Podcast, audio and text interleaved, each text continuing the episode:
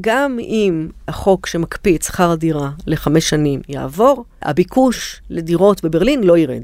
העסקאות בברלין עדיין יישארו משתלמות. יש ביקוש מאוד מאוד גדול לדירות בברלין.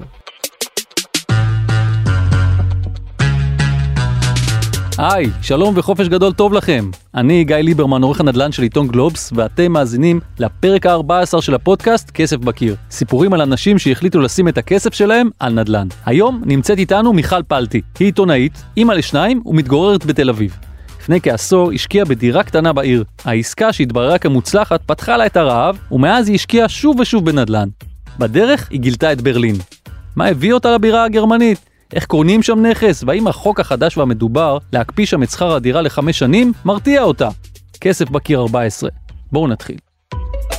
הנכס הראשון הראשון היה בדרום תל אביב, ברחוב אה, המעון, דירת קרקע, שניים וחצי חדרים, היא עלתה לנו 600 אלף שקל. הצלחנו, אז היה משכנתה 95 אחוז ו-EMI, ואחרי uh, שנתיים מכרנו את זה במשהו כמו 300 אלף שקל רווח. ומאז התגלגלנו לעוד עסקאות, הן לא היו מוצלחות כמו העסקה ההיא.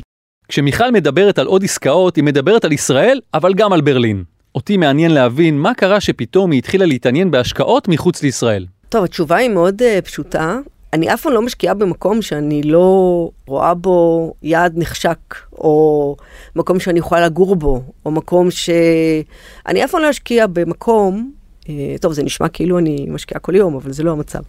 אה, במקום שהוא לא, ככה שהלב שלי לא שם. עכשיו, ברלין, פשוט, מה שקרה זה שלפני בערך משהו כמו 7-8 שנים, ברלין מאוד סקרנה אותי כעיר לבקר בה, כעיר תיירות.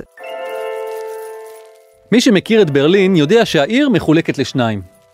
גם נפילת החומה בנובמבר 1989 לא מנעה את החלוקה שעדיין נראית בעין, בעיקר כשמסתכלים על הבניינים. בעוד שמערב העיר מודרני וגם יקר יותר, הצד המזרחי של העיר נראה מעט מוזנח, והארכיטקטורה הקומוניסטית שולטת באזור. לפני כעשור החלה ברלין להתעורר.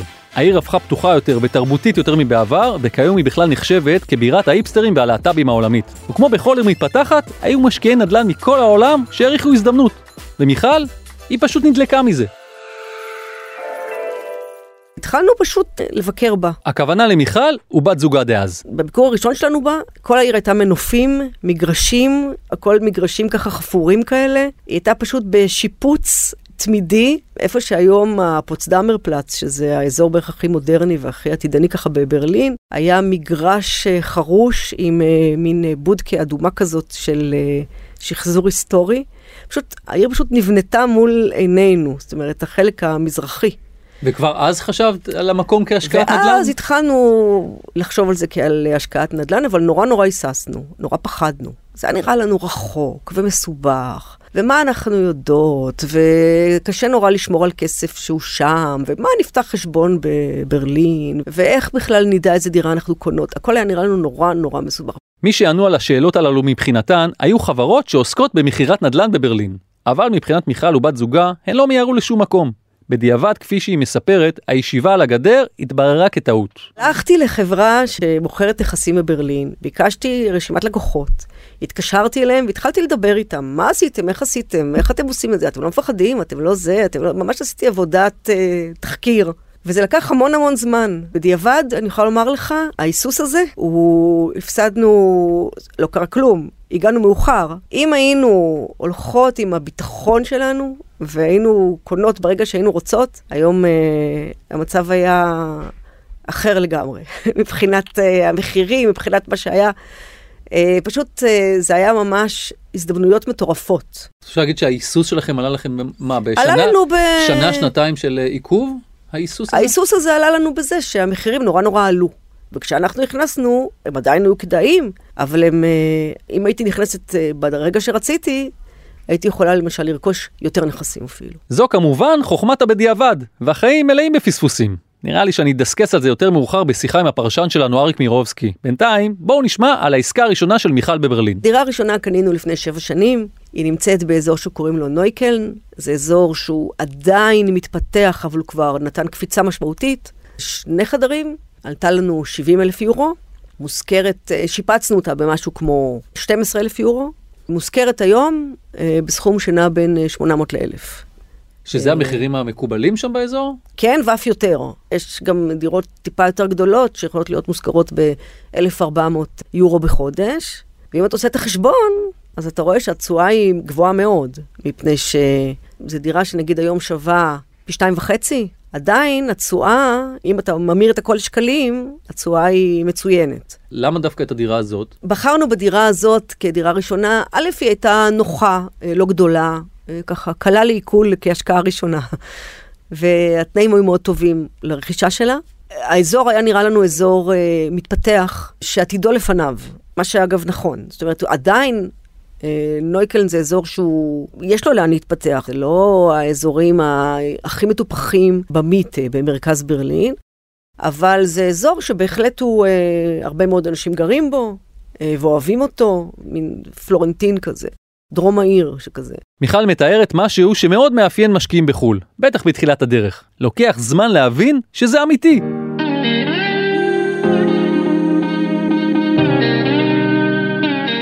בשנה הראשונה קנינו את הדירה ופשוט המתנו. היינו קצת ככה, חששנו קצת. אני זוכרת שבאנו אחרי שנה, עשינו סיבוב בסביבה. לראות שהבניין עוד עומד. לראות שהכל קורה, שהבניין עומד, קצת אה, נרתענו, כי זה היה נראה לנו סביבה קצת נורא מוזנחת, אה, מלאה במהגרים, זאת לא כל כך. ואמרנו, טוב, מצד שני הכסף... מוזכרת. זהו, הכסף נכנס. באנו אחרי שנה, וראינו שהאזור הזה הוא אה, כבר, אה, יש בו, פתחו בו ברים ופתחו בו גלריות, וכל הדברים שבאמת הופכים אזור אה, מתפתח לאזור יותר אה, ככה קורץ, אה, כיפי. התחלנו לראות אה, אנשים צעירים, סטודנטים, היפסטרים כאלה, וזה אמרנו בסדר.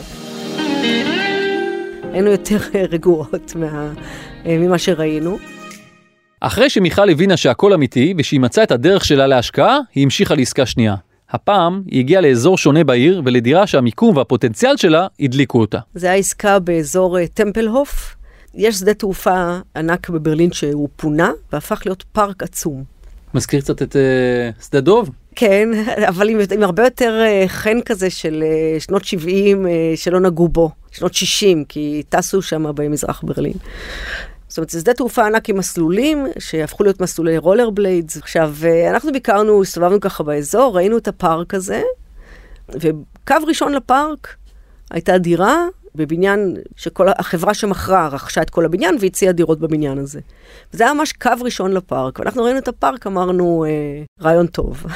עלתה גם כן משהו כמו אה, 70 ומשהו אלף אה, יורו, גר שם דייר שהיה לי קשה לפנות, זאת אומרת, הוא לא, הוא לא רצה לעזוב, זאת אומרת, ניסיתי לשכנע אותו לעזוב. למה רצית שהוא יעזוב? רציתי שהוא יעזוב כדי שהדירה תהיה ריקה ושאני אוכל לשפץ אותה ולהשכיר אותה מחדש. סליחה שזה נשמע אה, מאוד קפיטליסטי, אבל אה, ניסיתי. והתשלום הוא גבוה לדיירים שמפנים. הוא לא הסכים, ונשאר בדירה. אני נגיד באתי אליו, הצעתי לו איזשהו סכום אה, די גבוה בשביל שיתפנה, הוא פיצוי. לא הסכים. פיצוי, הוא לא הסכים. אחרי שנתיים קרה לו נסיבות חייו, אה, הוא פשוט, אה, לא זוכרת מה הייתה הסיבה שם בדיוק, אבל הוא עבר לגור עם הבן שלו מחוץ לברלין בכלל. ופשוט ביום אחד, קם והלך.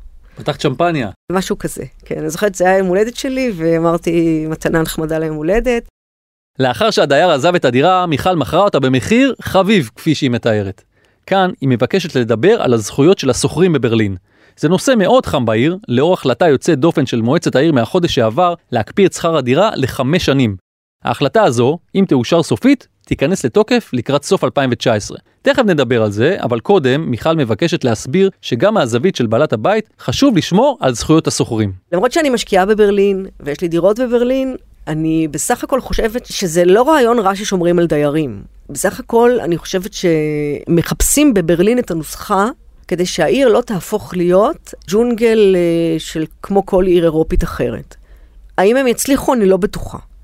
יש נהירה מטורפת של חברות סטארט-אפ לברלין, של צעירים שעוברים לשם ומרוויחים יפה והם יכולים לשלם, והם רוצים לגור בדירות יפות. היא פחות זולה ממה שהיא הייתה. היא לפני 7-8 שנים הייתה, הכל בעיה זול מאוד מאוד מאוד, זה נכון. זאת אומרת, נכנסת לסופר ונותרת קצת בהלם ממחיר סל הקניות שלך. אני זוכרת שהתחביב שלי היה לצלם את כל מה שקניתי בסופר, לעלות לפייסבוק ולהגיד, נו תנחשו כמה זה, זה באמת היה, זה עיר מאוד מאוד זולה, עדיין היא הרבה יותר זולה מתל אביב. אבל היא מאוד מאוד מתייקרת. רואים את זה בכל חודש וחודש, ו- ולא סתם, היא מתייקרת, מפני שהיא מושכת אליה המון אוכלוסייה צעירה ומבוססת, ומשכילה, ולומדת, ועובדת, ואנשי הייטק וכו'. זה תהליך שקשה מאוד לעצור אותו. מה שהם מנסים לעשות בברלין, זה הם בעצם מנסים לשמור באיזשהו אופן על הדיירים שמתגוררים בדירות שכורות בברלין. בברלין בערך 80 אחוז או משהו כזה גרים בשכירות. הם לא רוצים להפוך את העיר... אה, חתיכת ל... אה, זה- גודל אוכלוסייה. כן, זה, וזאת עיר עצומה, ענקית. זה מאוד בולט גם במה שהיה מזרח העיר. בשלב הזה אני מבקש ממיכל להבין מעט יותר מה הכוונה בלשמור על השוכרים. ונדמה שלנו בישראל יש הרבה מה ללמוד מהגרמנים. באופן כללי, אתה לא יכול לפנות דייר. אם יש דייר שיש לו מה שנקרא חוזה ישן, הוא צריך להחליט מתי הוא עוזב. אתה לא יכול לבוא ולהגיד לו, תשמע, בעוד שנה אתה הולך. החוק מגן עליו. הדרך היחידה לפנות אותו זה כמובן או להתחיל איתו באיזשהו סוג של הידברות ולהציע לו סכום כסף אה, נאה, שהוא ירגיש שהוא יכול לחפש דירה אחרת ברווחה ובשקט כלכלי, או שאתה יכול לומר, לעשות איזשהו תהליך שאני אף פעם לא בדקתי אותו לעומק, של אה, אני באה לגור בדירה כבעלת הדירה, אני מודיעה לך משהו כמו שש שנים מראש, תתכונן, אני מתישהו יבוא לגור בדירה הזאת. אז תיערך, יש לך שש שנים לצאת מהדירה. הרבה מאוד דיירים ותיקים שמתגוררים בדירות בברלין, משהו כמו שש, שבע, שמונה, תשע שנים, הם סביר להניח בחוזה ישן. שזה אומר שאתה לא יכול לפנות אותם, שהם משלמים סכום לא מאוד גבוה, אתה יכול להעלות להם משהו כמו חמישה אחוז בשנה, וגם, זה נורא תלוי, החמישה אחוז בשנה זה לא אוטומטי, זה תלוי, הם עושים בדיקה כמה שכר הדירה הממוצע באותה שכונה. שני תהליכים הביאו למרמור בשנים האחרונות בקרב השוכרים הרבים בעיר. עליית מחירים ושימוש בחוזים חדשים שנתפסים ככאלה ששומרים פחות על זכויותיהם לעומת החוזים הישנים. וכך נולד לו החוק החדש והמדובר. יש חוק שהוא די תלוי עוד באוויר, זאת אומרת, אני לא יודעת מה יעלה בגורלו, שאומר שהם בעצם קצת נבהלו ממה שקורה עכשיו בברלין, מהחדירה של החוזים החדשים. הפרלמנט שם החליט שהוא ככה מעלה, זה הבנתי שזה עבר, מה שנקרא, בסוג של קריאה ראשונה, שחמש שנים אי אפשר להעלות את שכר הדירה, באופן גורף. הם מנסים לומר, הייתה לנו עלייה, ראינו עלייה, אנחנו רואים שהכל מתייקר, אנחנו רוצים עכשיו לעצור את זה, או לפחות להקפיא את זה. עדיין אה, יהיה לך שווה להמשיך להחזיק את אותה דירה הראשונה שקנית? לדעתי כן, גם אם החוק שמקפיא את שכר הדירה לחמש שנים יעבור, הביקוש לדירות בברלין לא ירד. העסקאות בברלין עדיין יישארו משתלמות.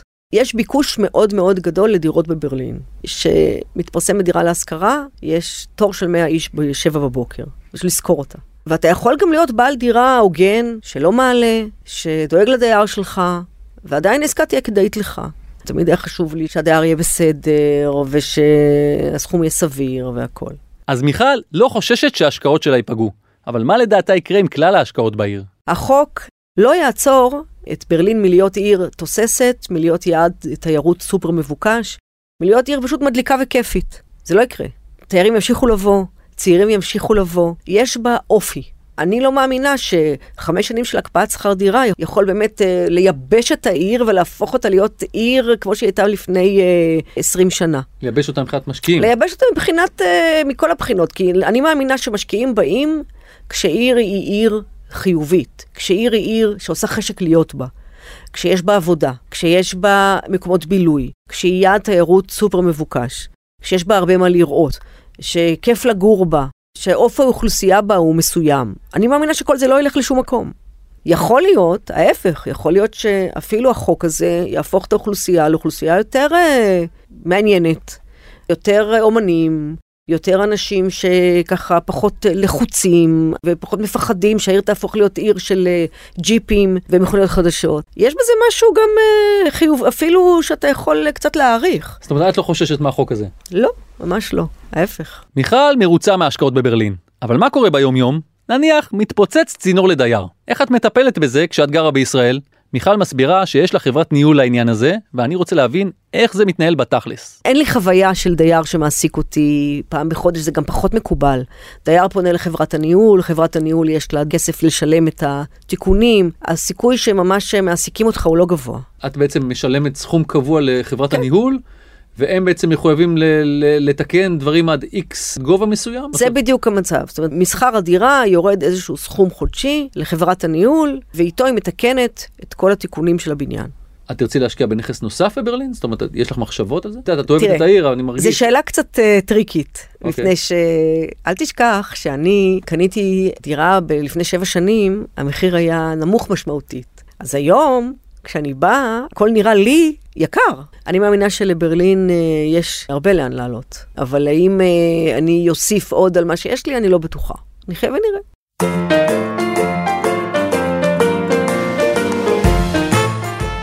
ברלין מצטיינת, מכיוון זאת עיר מאוד מאוד גדולה, והתושבים בה לא נרתעים ולא מפונקים. זה ממש אה, משהו שאני תמיד אומרת, נגיד להבדיל מברלין לתל אביב. בברלין, בכל ביקור, אתה רואה שכונות חדשות שצעירים עוברים אליהן, ויש מי שיגיד שהם מחדשים אותם, ויש מי שיגיד שהם עושים שם ג'נטריפיקציה, ואוי ואבוי וכמה זה נורא. אני לא חושבת שזה נורא, אני חושבת שזה עושה טוב לשכונה שאנשים צעירים ומשכילים עוברים לגור בה. ובברלין הם פשוט מצטיינים בזה. בכל uh, ביקור אתה רואה uh, שכונות חדשות שנפתחות בהן גלריות, ונפתחים בהן ברים, ויש בהן uh, בתי ספר כזה לאומנות, ומסעדות חדשות, ואתה רואה איך הם פשוט כובשים כל פעם טריטוריות, הם מאוד מאוד טובים בזה. ואת חושבת שיש עוד שכונות כאלה ש... ואני בטוחה, ש... ברלין היא עצומה. שמחכות שיגלו, שמחכות בטוחה, שיגלו אותם? אני בטוחה, אה, צריך לעשות אה, ככה סיבוב נוסף. אבל אה, למשל תל אביב, זאת עיר שאתה רואה איך אה, הפערים, שיש הבדלים מאוד מאוד משמעותיים בין החלקים שלה, בשכר הדירה למשל, או במחירי הדירות. ובכל זאת, אתה לא רואה כמעט תנועות, יש תנועה מאוד מאוד איטית משכונה לשכונה. התחנה המרכזית החדשה, כמה אנחנו שומעים על העתיד וההתפתחות הצפויה לה וכו' וכו', וזה קורה מאוד מאוד לאט. זה לוקח לפחות 15 שנה. רגע לפני שאנחנו נפרדים, אני רוצה לשאול את מיכל, מדוע היא בחרה להשקיע בנדל"ן ולא לחסוך בצורה אחרת? נדל"ן יש לו איזו תדמית של אה, תחום הרבה יותר אה, יציב, סולידי. מכירה וקנייה זה לא דבר מהיר, דבר איטי. תמיד גר דייר בנכס, תמיד אפשר למכור את הדירה. הדירה תמיד תהיה שם, יש בזה משהו מאוד אה, רגוע, שנותן לך איזשהו שקט. זאת אומרת, לא רק אני, הפודקאסט הזה, כסף בקיר, רק מראה שאתה לא צריך להיות טייקון בשביל אה, לבקש לעשות השקעת נדל"ן. וכנראה שזה מה שמושך אנשים. זה נותן לך איזושהי הבטחה עתידית, איזושהי, אה, אתה יודע, אפילו עם מחשבה קדימה, פנסיה. אבל זה גם כאב ראש. צריך ללכת, לקנות, למצוא, לקחת נכון. משכנתה, אה, כן. דייר. יש, אה, בוא נאמר ככה. בזמן שאני יכול לקנות מניה פשוט. ו... נכון. יש מחיר לה, להחזקה של הנדל"ן, זאת אומרת, אתה צריך ללכת, אתה צריך לחפש דירה, אתה צריך אה, לשלם לכל מיני בעלי מקצוע, אתה צריך אה, שהבנק יסייע לך, יאשר את הנכס וכו'. זה עניין של כמה חודשים. ואחר כך יש לך שקט, זאת אומרת, אחר כך אתה, אם, אם עברת את כל המשוכות האלה, אתה מחזיק בנכס. מניות וזה, זאת אומרת, גם מניות זה, זה, יש כאלה שמעדיפים את זה, יש כאלה שיגידו מניות אה, זה מנצח הכל, ויכול להיות שהם צודקים גם. מניות זה מנצח הכל, אה, אל תיבהלו שיש ירידות, אל תמכרו שזה, תשאירו את הכל, את הכל, את הכל, ותחכו עוד 20 שנה ותראו שמניות מנצחות. מאוד קשה מבחינה פסיכולוגית לא לגעת בתיק מניות 20 שנה. אני לא מכירה אנשים שעושים את זה. השקעה בנדל"ן נותנת הכנסה נוספת טובה, מאפשרת לחיות יותר ברווחה, ובסך הכל אה, נותן לך איזשהו ביטחון, כדי שאם יש לך אפילו דירה קטנה, שהיא דירה לפנסיה, אז היא מבטיחה באיזשהו אופן איזושהי תוספת שאתה תרצה אותה בבוא העת. ויש גם אה, שיקול שאומר שזה משהו שתמיד אתה יכול להוריש לילדיך, זה משהו שהוא תמיד נשאר, הוא שלך. אז אה, גם זאת נקודה למחשבה. אז נעשה חושבים? אוקיי, נעשה. עד כאן מיכל, ואנחנו פונים כרגיל לפרשן הנדל"ן הבכיר שלנו, אריק מירובסקי, כדי להעמיק עוד קצת בדברים ששמענו. אהלן אריק, היי גיא. תגיד, איך עובר עד עכשיו החופש הגדול? חם והבנות בבית לא פשוט. אולי תיסעו לברלין. אה, רעיון לא רע, אבל לא בטוח כדי לקנות דירות. תגיד, מה יש בברלין שמביא לשם כל כך הרבה משקיעי נדל"ן לדעתך? בשתי מילים, מחירים זולים. הופה. כן, זה באמת הופה, משום שאנחנו שומעים לא פעם בסדרה המצוינת שלך, תרשה לי, את הקטע הזה שהמחיר הזול הוא זה שמניע משקיעים אה, להיכנס לאיזשהו שוק, ואין הרבה יותר תובנות מעבר לזה, וכבר הזהרנו פעם אחר פעם אחר פעם, וזה לא יספיק כנראה, נזהיר עוד פעם, מחיר זול אינו מבטיח השקעה טובה. אתה יודע איך זה, כי בן אדם אומר לעצמו, בלי לזלזל, כן? יש לי בצד 20 אלף יורו, 50 אלף יורו. מקסימום, ילך הכסף, הוא לא ילך כולו. בצד השני, אתה יכול להרוויח די הרבה, לפחות לפי מה שמספרים, ובמקרה הזה ברלין כבר נשמעת הרבה שנים כמו איזו הבטחה קסומה כזאת. הבטחה קסומה שיש הרבה סיכונים לצידה, ולא תמיד היא מקיימת, כי יש המון בעיות בברלין. כמו עכשיו. כן, החוק החדש. החוק החדש שמקודם, אגב, לא בטוח שהוא יתקבל בסופו של דבר בסנאט הברלינאי, וגם אם הוא יאושר, יש ויכוח לא פשוט בין משפטנים האם מדובר בחוק שהוא חוקתי. זאת אומרת, ייתכן מאוד שיפסלו אותו גם. ושמעת מה מיכל אמרה, לפחות היא לא ממש חוששת. זאת אומרת, גם אם השאירו את שכר הדירה חמש שנים ככה בהקפאה, לא יקרה כלום, ככה היא אומרת. על הכיפאק, אבל היא משקיעה ותיקה. זאת אומרת, היא נהנית מפירות עליות המחירים של הדירות עד עכשיו. אז היא יכולה לבוא ולהגיד, בסדר, אני מוכנה לוותר על התשואה, אבל יש לי פה איזשהו ביטחון, וזה אגב דבר שהוא לא רע בכלל בברלין, שיש לך איזשהו ביטחון עם הדייר, יש לך דייר קבוע, אה, יש לך שכר דירה קבוע, הדברים, המנגנון הוא לא רע, הוא לא אנטי בעל דירה לגמרי, אבל אם נחזור למה שאתה אמרת, יש לך את ה-20-30 אלף יורו, אני לא יודע, אולי יש לך דברים אה, יותר טובים לעשות איתם. תגיד, אולי אני אשאל משהו אחר, מיכל אומרת שהתנועה בברלין יותר מהירה, הכוונה היא לצעירים שעוברים ממקום למקום ומפתחים אותו. בישראל אנחנו יודעים שהמקומות הם ככה די בסטגנציה, אפילו מקומות כמו התחנה המרכזית החדשה, לוקח המון המון שנים זמן שמדברים על זה, ובנקודת הזמן הזאת אפילו לא רואים מתי זה יקרה. לדעתך יש איזשהו קשר בין ישראל לברלין, אפשר ללמוד על משהו שם, דרך פה? שום דבר. א', מההיבט הגיאוגרפי, אוקיי, יעברו לאן? לחיפה, לירושלים, לבאר שבע, זה פחות או יותר המשחק של רוב הצעירים. אחרי זה, לא לשכוח בכלל, וזו הייתה טעות לטעמי של המחאה החברתית שהייתה לפני שמונה שנים, וממשיכיה גם היום, שמביאים כל הזמן דוגמה את ברלין ואת גרמניה. בברלין וגרמניה יש מודל שהוא ייחודי בעולם כולו, יש מעטים כמוהו, זאת אומרת ששם רוב התושבים הם שוכרי דירות, בשעה שברוב העולם המערבי כולל אצלנו, רוב התושבים הם בעלי דירות. מחנכים אותנו בכלל שהדירה צריכה להיות בבעלותנו. נכון מאוד. יש שם באמת, בגרמניה המודלים הם שונים לחלוטין, החלום של האם והאב הגרמנים הוא לא שלילדים שלהם תהיה דירה, אלא שיהיה להם, שינתבו את ההשקעות שלהם לכיוונים אחרים, בעיקר לחיסכון אגב. לכן אין מה להקיש ממה שקורה בברלין אה, למה שקורה כאן. כל הזמן באים לפה אנשים שמדברים על השקעות בחו"ל. גם אלה שהתחילו בישראל, איכשהו נגררים כל פעם ליוון, קמבודיה, ברלין, שומעים על עוד מקומות. כן. מה, מה זה אומר בעצם, שבישראל אין לנו מה לחפש מבחינת ההשקעות כיום? א', בישראל קשה מאוד, אתה צריך להיות מקצוען אמיתי, לעשות את הבירורים אדם מן היישוב שבאמת סתם אה, מחפש וסתם נוהר אחר מחיר זול, אנחנו יודעים, בארץ המחירים יקרים. גם התשואה בארץ לא מרשימה, אגב, גם בברלין היא לא מדהימה. היא לא מדהימה, 2-3 אחוז. בגוש היורו אין אה, מציאות גדולות. לכן אנחנו, יותר מזה, ברלין, שוב, אנחנו אומרים שברלין נשלטת למעשה על ידי שוכרי דירות, ושים לב לחוק הזה. החוק הזה הוא uh, מובא על ידי הנבחרים בגלל שהבוחרים שלהם דרשו מהם לחוקק חוק מהסוג הזה. זאת אומרת שאתה כמשקיע נתון לסיכון, לשוק די מסוכן מבחינה זו, שפתאום ידפקו לך חוק אחד, חוק שני, ואם לא חוק כזה, אז הסדר אחר. זה מצב שהוא לא הרבה יותר גרוע מחוק הדירה השלישית, או כל מיני דברים שהשר כחלון ניסה להטיל על משקיעים אצלנו uh, בארץ. טוב, אריק, מודה לך מאוד. תודה לך, גיא. נחזור לעניינים שלנו בקיץ. עד כאן עוד פרק של כסף בקיר. תודה למיכל ששיתפה אותנו בהשקעות ובניסיון שלה בברלין. אתם מוזמנות ומוזמנים לעקוב אחרינו באפליקציות הפודקאסטים ולדרג אותנו ב Apple Podcast.